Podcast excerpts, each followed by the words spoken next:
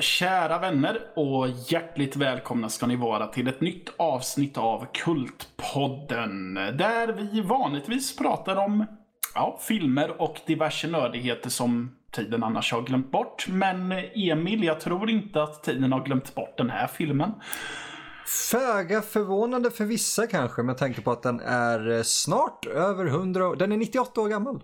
Ja, precis. Så om två år så, ja fasen vi skulle ha väntat tills då. Nej, fan jag kommer vara död om två år så det blir lika bra att få det överstökat. Ja, just det, det var den lilla aspekten ja. Ja, Ja. men då får jag reanimera ditt liv och så, ja. Det är inte versus nu.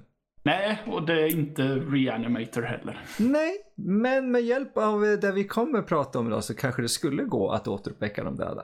Precis, för eh, ja, vi ska prata om en om en liten skräckfilm ifrån 20-talet som sagt som eh, det är, om man ska prata i termer om landsresa så blir det här en ganska konstig historia. För på ett sätt så besöker vi vårt grannland Danmark igen. Men i mångt och mycket så är vi kvar i Sverige. Ja, det är ju inga syndiga dvärgar den här gången i alla fall. Nej, precis. Vi ska prata om Häxan. Eller som den heter på engelska, som både jag och Emil är överens om är den bättre titeln. Det är Witchcraft Through the Ages. Ja, faktiskt det är en bättre titel. Ja, precis. För man kan ju med originaltiteln tro att det är okej, vi kommer följa uppväxten och fallet för en häxa. Eh, nej. Ehm, Men om jag tror, den har ju haft en titel på svenska ibland som har varit häxkonst genom tiderna. Men det är så här, det är ingen som refererar till den så här.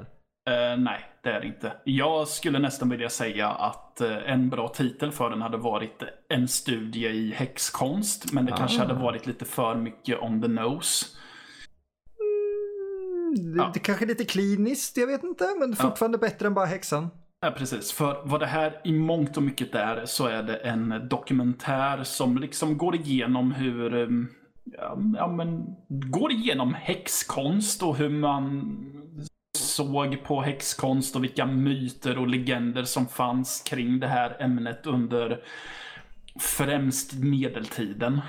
Så vi får titta på många medeltida målningar med en jag tänkte säga en berättarröst som förklarar hur saker och ting ter sig, men eftersom att det här är en stumfilm så får man läsa och sen se en liten pekpinne som eh, gör det extra klart för oss vad det är de pratar om. Ja, men det finns ju, vi kommer ju komma till det. Det finns ju faktiskt, jag älskar pekpinnarna.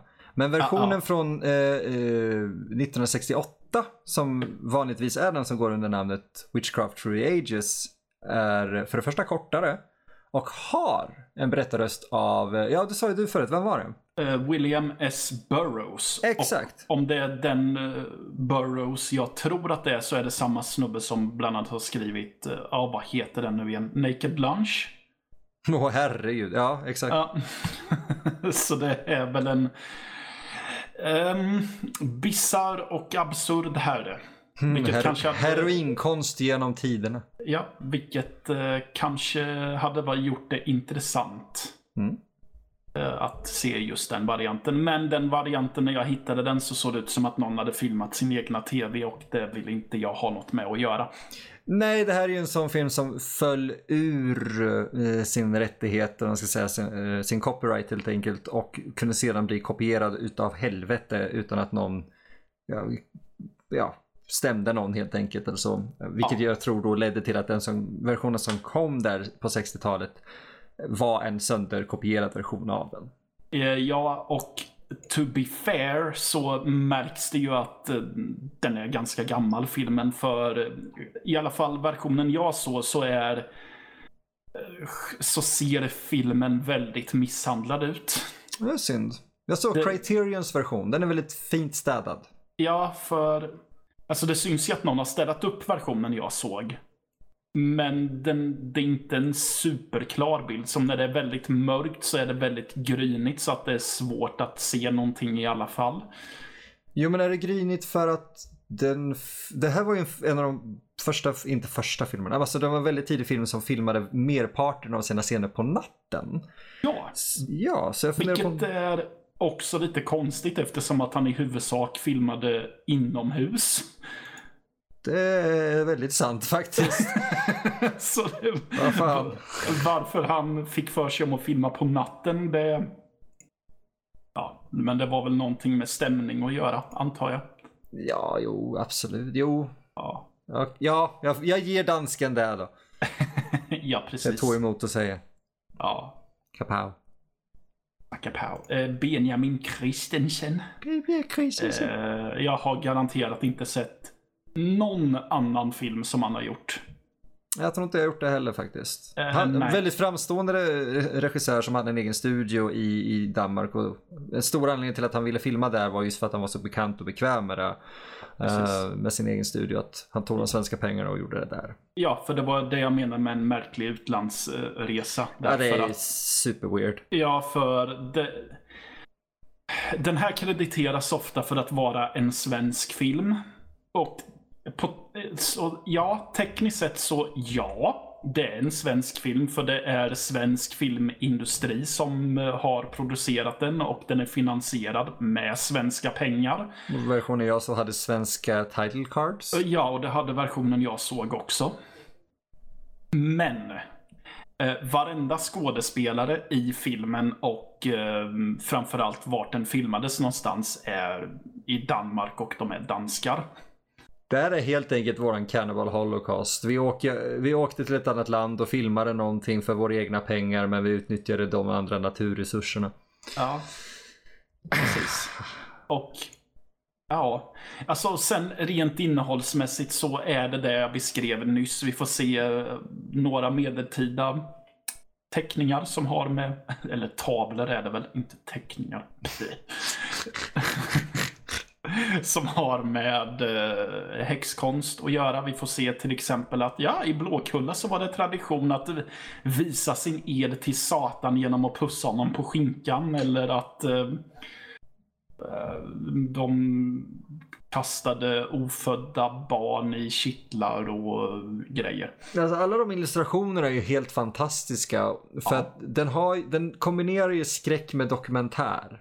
Precis, för vi får sen se eh, som ti- title cardsen själva säger att med fantasins kraft ska vi nu se hur det kunde gå till. Och så får, Fantasi. ja, så får vi, eh, så får vi se typ dramatiseringar av dels hur det, hur det kunde se ut när någon i byn kom och hälsade på en, eh, den lokala häxan. Vi fick se hur det kunde gå till när någon var eh, anklagad för häxeri och eh, ja, på hur lösa grunder man kunde anklagas för det.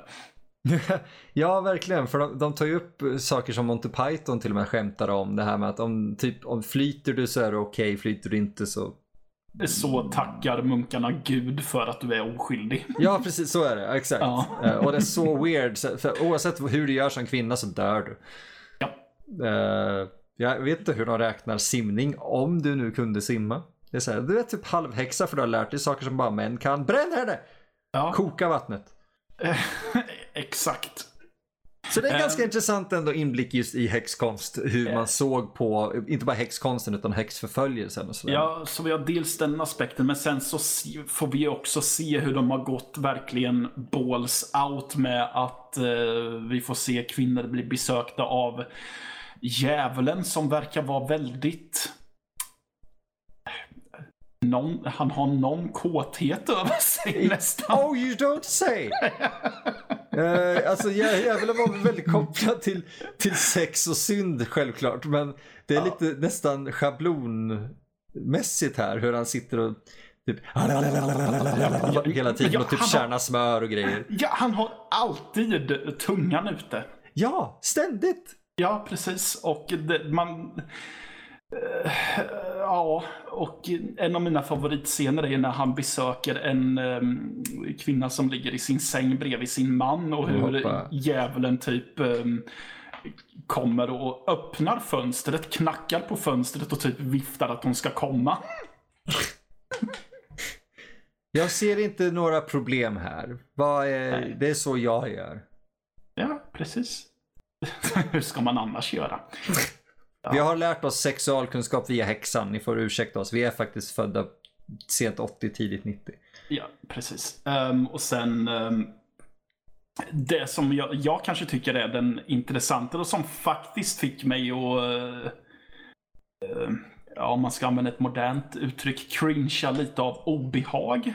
Mm. Är ju när de går igenom hur tortyrredskapen användes. Det, ja. Det fick de, mig att du vet, sträcka lite på mig och rygga tillbaka. Ja, för de, de visar tillräckligt. Alltså, de klipper ju bort innan man får se vad det är som ska göra så att det blir obehagligt och göra ont.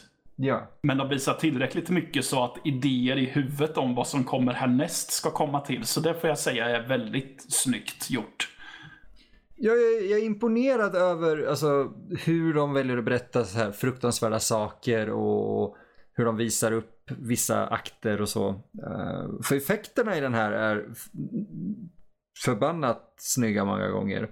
Ja. Uh, fotot är out of this world, verkligen. Ja, och jag skulle säga att vissa sets är oh, ja. out of this world. För det finns en ett tillfälle jag tror vi, vi ser en massa små eh, demoner som hänger vid en eh, vid ett ganska gloomy landskap med fullmåne i bakgrunden och så har man en jag tror att det är Satan själv som står som en han är svår att tyda först för att han är väldigt mycket gömd i skuggor men han är eh, lite som en vad säger man, looming towering evil som liksom öppnar upp sig och sen svärjer trohet till mig. Mm. Ja, men, uh, ja.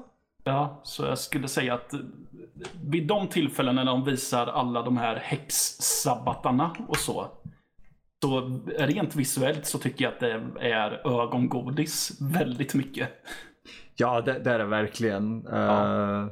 Det, eh, inte bara hur, fotot, eh, hur snyggt fotot är utan även hur vissa grejer är. Det är en svartvit film men ja. den är också, alltså vissa scener har en tint, alltså de är färgsatta med en viss tint för att ge en känsla av, ja men antingen kommer inte på de svenska orden, men så här ångest eller mm. dread och, och, och sådär. Och det är ganska intressant hur han använder färg 1922 för att berätta någonting. Ja.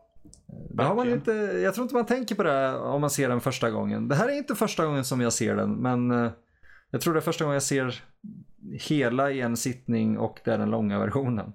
Ja, det här var nog första gången jag såg den från början till slut i en sittning om man säger så. För jag tror att jag bara har sett utvalda scener.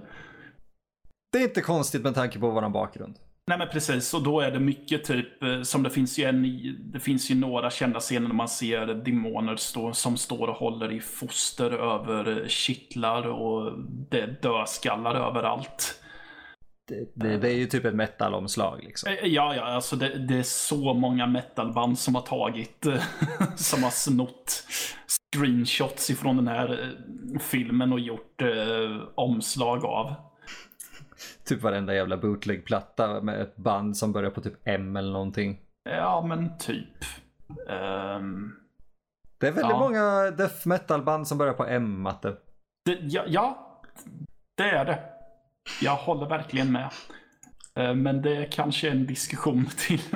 det, är en annan, det, det, ja. det är en annan podd. Ja, precis. Och alltså rent, nu förstår jag ju att, eh, det här, att alla de här sakerna var ju förmodligen bortklippta innan de här förlängda versionerna kom. Men rent innehållsmässigt så är jag fascinerad över att de ens valde att filma vissa grejer.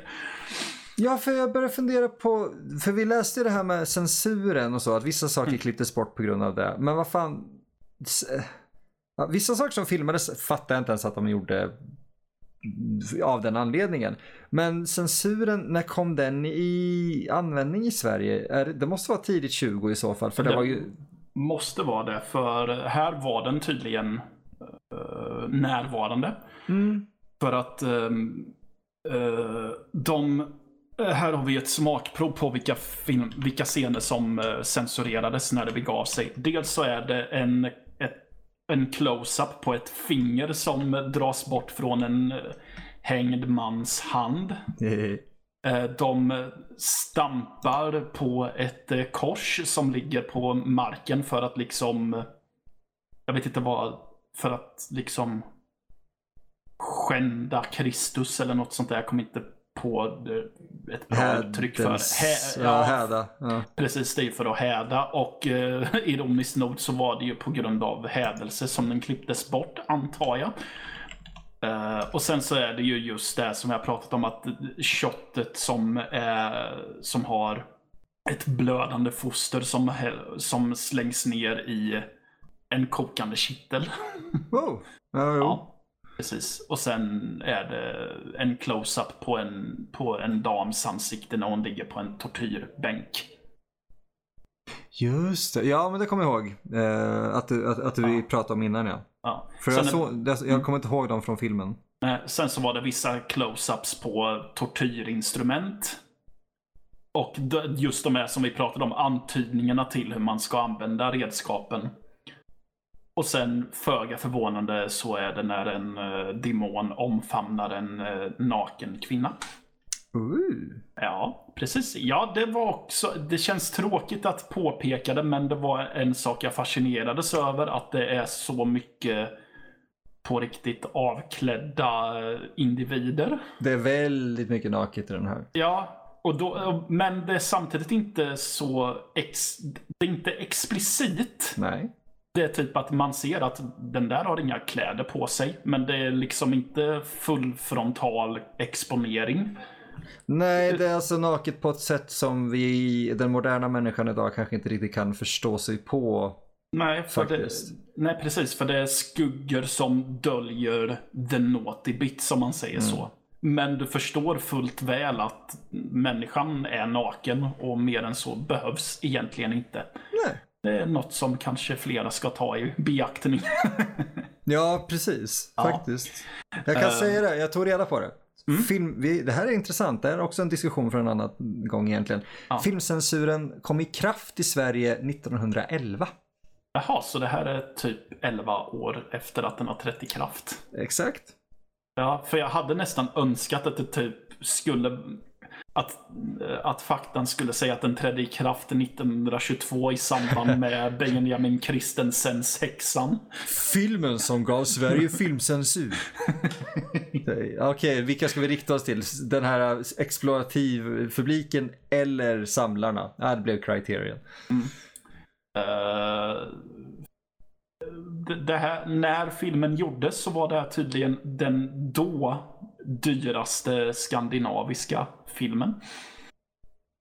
Oh, det är inte konstigt ändå. Ja, och jag vet inte om det stämmer det som står på IMDB, för då menar de på att eh, budgeten för filmen var 2 miljoner svenska kronor. Det är en del faktiskt för den här tiden. Eh, Det är Ja. väldigt mycket, men det är svårt ändå att säga just om det stämmer. Ja, precis. För med tanke på hur svensk valuta såg ut med så är 2 miljoner är... eh, Det kan ju vara räknat i moderna pengar. Ja, Kan det ju kan vara. vara. Ja, det, men- det, det, det finns så lite underlag här att det är svårt att säga vad är det som. Precis, för om det är 2 miljoner i gammelpengar så är den, då snackar vi en astronomisk Ja, summa. det är sjuka summor. Ja, Då, då, då, då tror jag att de kunde ha gått plus med den här liksom. nej precis. Då är det inte konstigt att pengar försvann från Sverige i så fall. För det var en dansk regissör som roffade åt, åt sig majoriteten av statskassan för att göra en film. Jag får helvete jag har nog finansierat min film om Sverige. Min Nej. film om Sverige. Ja, det ska heta Häxan, handlar om hela Sverige. Ja, Jaha, okej. Men det är ändå ganska intressant för att den här var ju en av de här filmerna som verkligen eh, exploderade ut eh, över världen. Ja. Eh, svensk film var ju en enorm grej under ganska många år, eller ja, perioder. Ja, precis. Jag tror att året innan så hade vi ju Viktor Sjöströms eh, Körkaren. Den vill jag minnas ändå var relativt stor. Ja, ja, men den ses väl som en ganska ordentlig klassiker. Jag tror det. Jag har inte sett den, tror jag. Inte jag heller. Jag har sett återigen utvalda scener som förklarar varför den faktiskt vart stor. Det är ju mycket revolutionerande filmteknik som hur de har fått till spökena i den filmen. Mm, det. Mm. Eh, Så det var... Bo, jag tror att både Häxan och Körkaren brukar krediteras som två, viktiga, två av de viktigaste filmerna i filmhistorien. Ja, i alla fall i Skandinavien. Eh, häxan, ja. häxan har jag hört så mycket om i flera olika artiklar att den vet jag är en av de här eh, för forerunners av mycket filmteknik och så. Men Sjökollen hade jag lite mindre koll på. Mm. Faktiskt. Eh, med tanke på att häxan fortfarande säljs och släpps i nya fina restaurerade utgåvor med ofta bra extra material och sånt där. Så att den, den lever ju fortfarande sitt eget liv. Mm. Men hade du, hade du velat ha liksom en... För den moderna människan kan vi säga, om till och med du och jag är så här, nej, mm, nej, funkar sådär. Alltså det är intressant och kul och så. Eh, eller kul är fel ord, det är bra. Men den moderna människan kanske inte riktigt skulle tycka att det här är intressant att sätta sig ner och titta på. Eh, skulle du gilla att se typ en remake av det här eller kanske en dokuserie Fast inte så billigt som du vet History Channel där man ser att de har filmat video reenactment med kassa skådespelare. Alltså, jag... Till viss del skulle jag väl kanske kunna tänka mig att se en remake. Men jag skulle i så fall vilja se typ en mer utarbetad variant av deras... Eh, av den fiktiva delen av dokumentären om man säger så. Mm, Okej. Okay. Mm. Ja. Ja, för det är eh. inte ofta man får en fiktiv film med dokumentära inslag längre. Nej, det, så är det ju också. Eh, men det är också för att jag tror att jag sa det till dig att jag skulle vilja se en modern film med liknande sets och grejer mm. som i den här filmen. Det hade varit fantastiskt. Ja. Alltså gå tillbaka till just den här uh, scenografi-grejen. Ja, Fan, exakt. filma skiten i 4.3 också. Eh, ja, eh, eller för den delen, alltså det, det, skulle väl kunna funka att filma den supermodernt i 4K också, men att man verkligen har i scen, att man i mångt och mycket har organiserat shotten som de ter sig i den här filmen. Ja, alltså jag kan se den här i en 2.35, ett vidvinkel biografformat, men mm. Jag vet inte, jag vill gärna ha den här alla Ghost Story. Nästan som du vet med så här vignett, ja. eh, Super 8-känslan. Jo. Eh, mm, Precis. Men eh, ja, om man ska tilltala en bredare publik så kanske man behöver göra det. Det, det beror väl lite på mm. budget mm. tänker jag. Om man ska göra en, en, version av den här och det blir en billig budget. Mm. Eh, låg budget så hade jag nog föredragit 8 mm grejen. Men om man får en större så piska på och gör det stort och brett liksom. Ja, för jag tror att det... Jag tror att man skulle kunna ha något läckert på spåren där, där också. Mm. Med en modern som typ eh, använder sig av sådana här set pieces och grejer. Men... Och samtidigt som du sa förut, det kanske är rätt att göra en ren remake av det. Att man gör en fiktiv... Att man gör det som en dokumentär fast med fiktiva inslag. Ja, det hade varit ja. kul tycker jag. För att det finns så få av dem som är sådana idag. Ja. Och för det finns ju några dokumentärer som försöker sig på det, men då är det så tydligt att um, den fiktiva biten är lågprioriterad. Här känns det nästan som att man har lagt mest energi på just den fiktiva biten. Lustigt nog. Eh, ja. För att man, jag får känslan i alla fall av att det, du vet, det känns som att de började göra en dokumentär och sen, ah men det här kan vara intressant att utveckla mer om. Det här kan vara intressant att berätta om. Eh, mm. Nästan som att de tänker, ja ah, men vi gör the day in a life of uh, Witch och sen så visar de upp det. Men det, the day in a life blir istället eh, en film i sig i typ fem delar som filmen är indelad i. Och det är bara det fiktiva medan de har lite inserts med den där pekpinnen som slår väldigt barskt och hårt på målningar. Mm. Det är kul. Ja, ja, men, jag, äh... jag hade velat ha mer dokumentärfil tror jag. Ja. Uh, jag hittade... Jo. Jag är jävligt imponerad. 1922 gör en film som är över 1,40. Ja, jag är jätteimponerad också. Alltså det är mycket som jag är imponerad av. Oh, ja. Den men, är väldigt imponerande. Vad sa du? Den är väldigt imponerande på typ Ja, precis. vis. Men som du säger, med moderna ögon så, alltså man, kan ty- man tycker väl att det är lite coolt, men den griper ju inte tag på något på samma sätt direkt. Nej. Eller vad man ska säga. Nej men den gör inte det. Alltså, Nej. vi båda har scheman som heter duga och när man då ska sätta sig ner och titta på någonting som är väldigt atmosfärsrikt och sådär Mm. och särskilt utan dialog så är det svårt att komma in i det. Särskilt om man har en telefon som typ, man hör bara vibrationerna, man vet att man har saker att göra och det låter i lägenheterna omkring en. Mm. Man rycks ur så jäkla lätt istället för att det är någonting som är väldigt drivande och modernt som fångar ens uppmärksamhet. Ja, Men det är synd. Ja, men precis. Jag tror att mycket av det för mig till viss del var just att det nästan ibland känns som någon slags utbildningsfilm. Mm, definitivt. Eh, För det är nästan som att någon har filmat sitt eh, föredrag.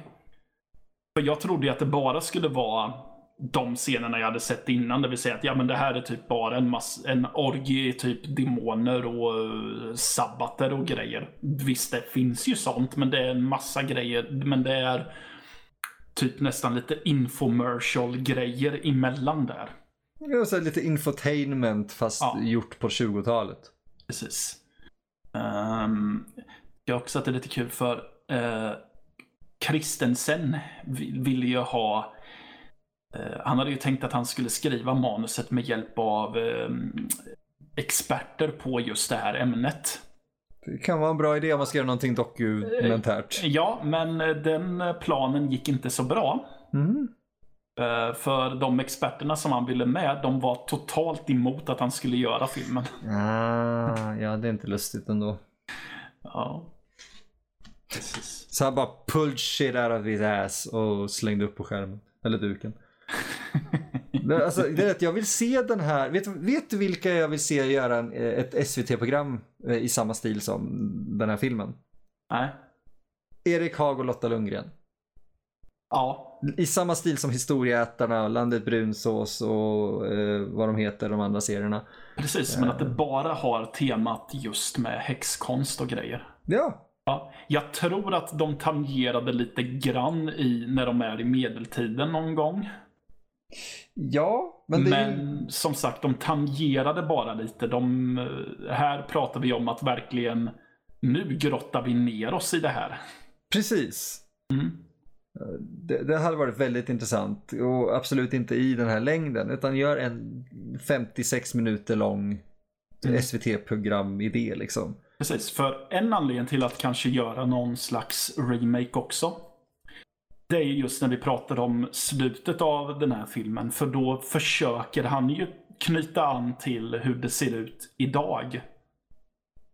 1922. Ja, ja, precis. Och han visar ju då till exempel klipp ifrån ett... Eh, jag kommer inte ihåg precis allt, men jag vet att han visar ifrån ett ålderdomshem och säger att de här, alla de här hade lätt blivit anklagade för häxeri bara baserat på att de ser ut som läskiga tanter. Ehm, Ja, det är sant. ja.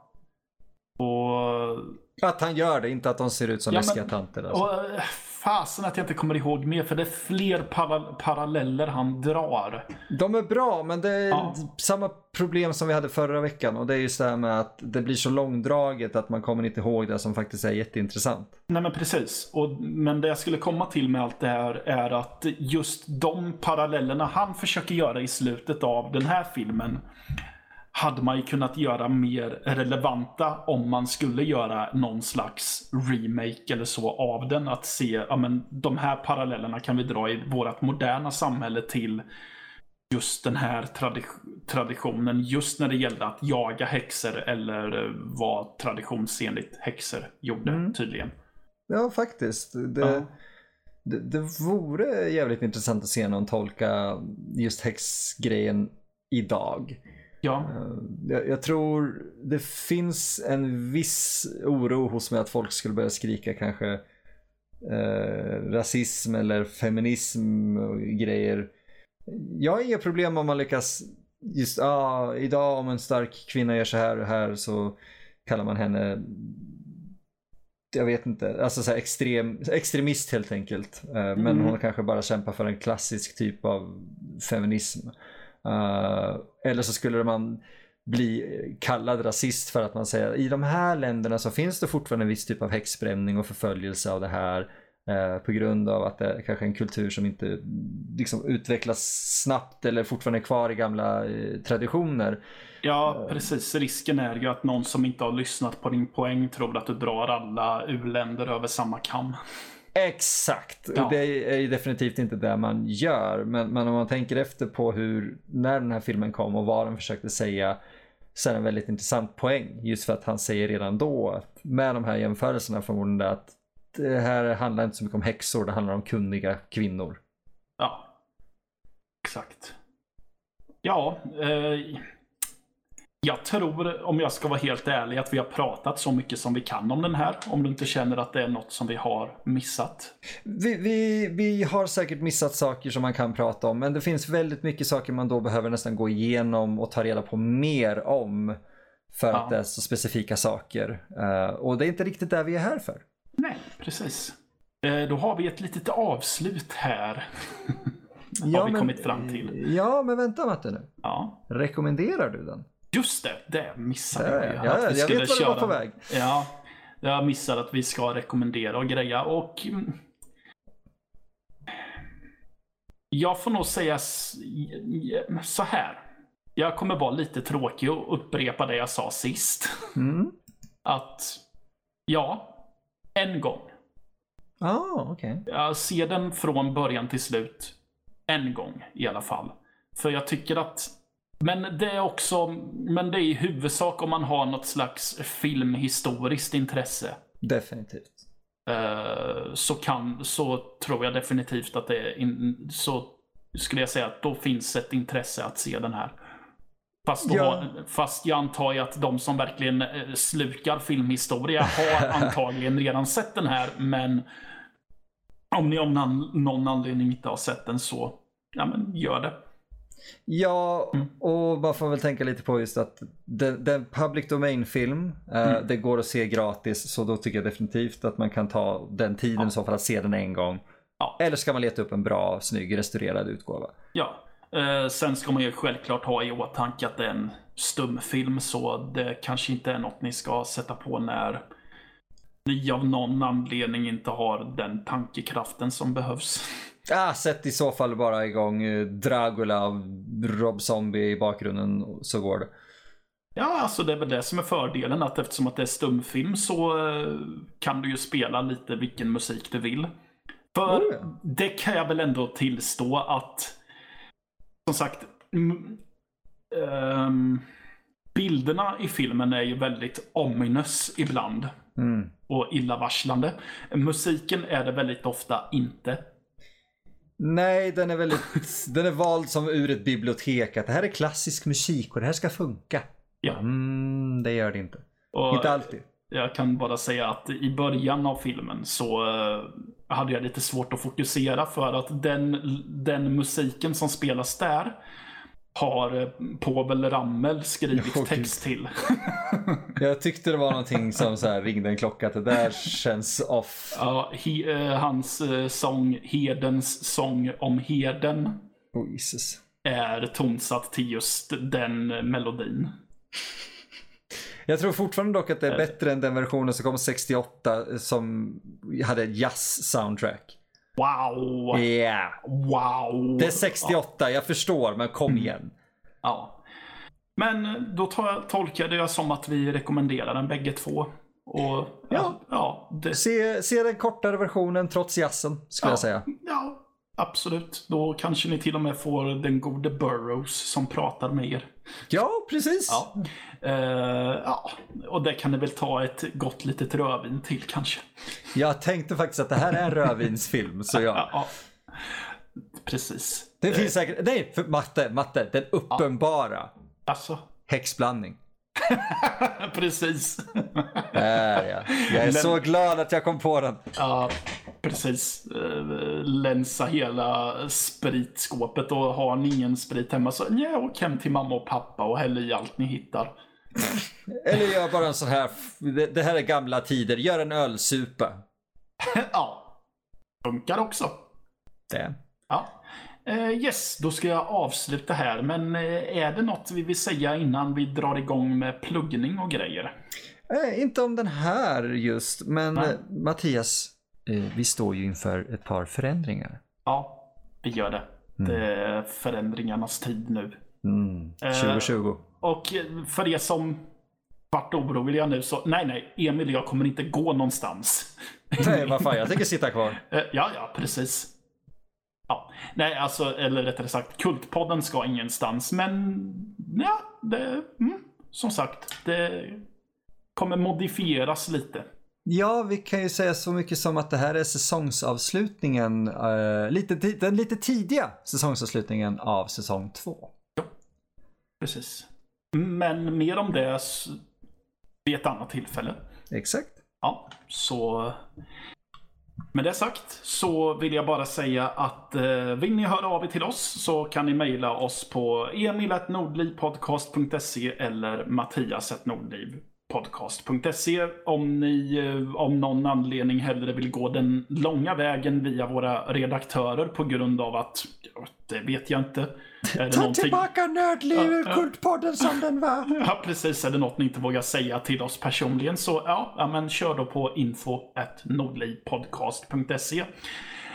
Eller så kan ni följa oss på sociala medier. Där heter vi Nordliv SE på Instagram och Twitter i alla fall. Och på Facebook heter vi bara rätt och slätt Nördliv. Självklart finns ju jag och Emil på sociala medier också. Eh, Ni har ju Emil på @indieemil på Instagram och jag heter @rostigsked på Instagram. Ja, eh, det var väl allt. Jag Så tror det. Tack för att ni lyssnade även denna gången och vi ses i säsong 3. Oho. Hej då. Hej då.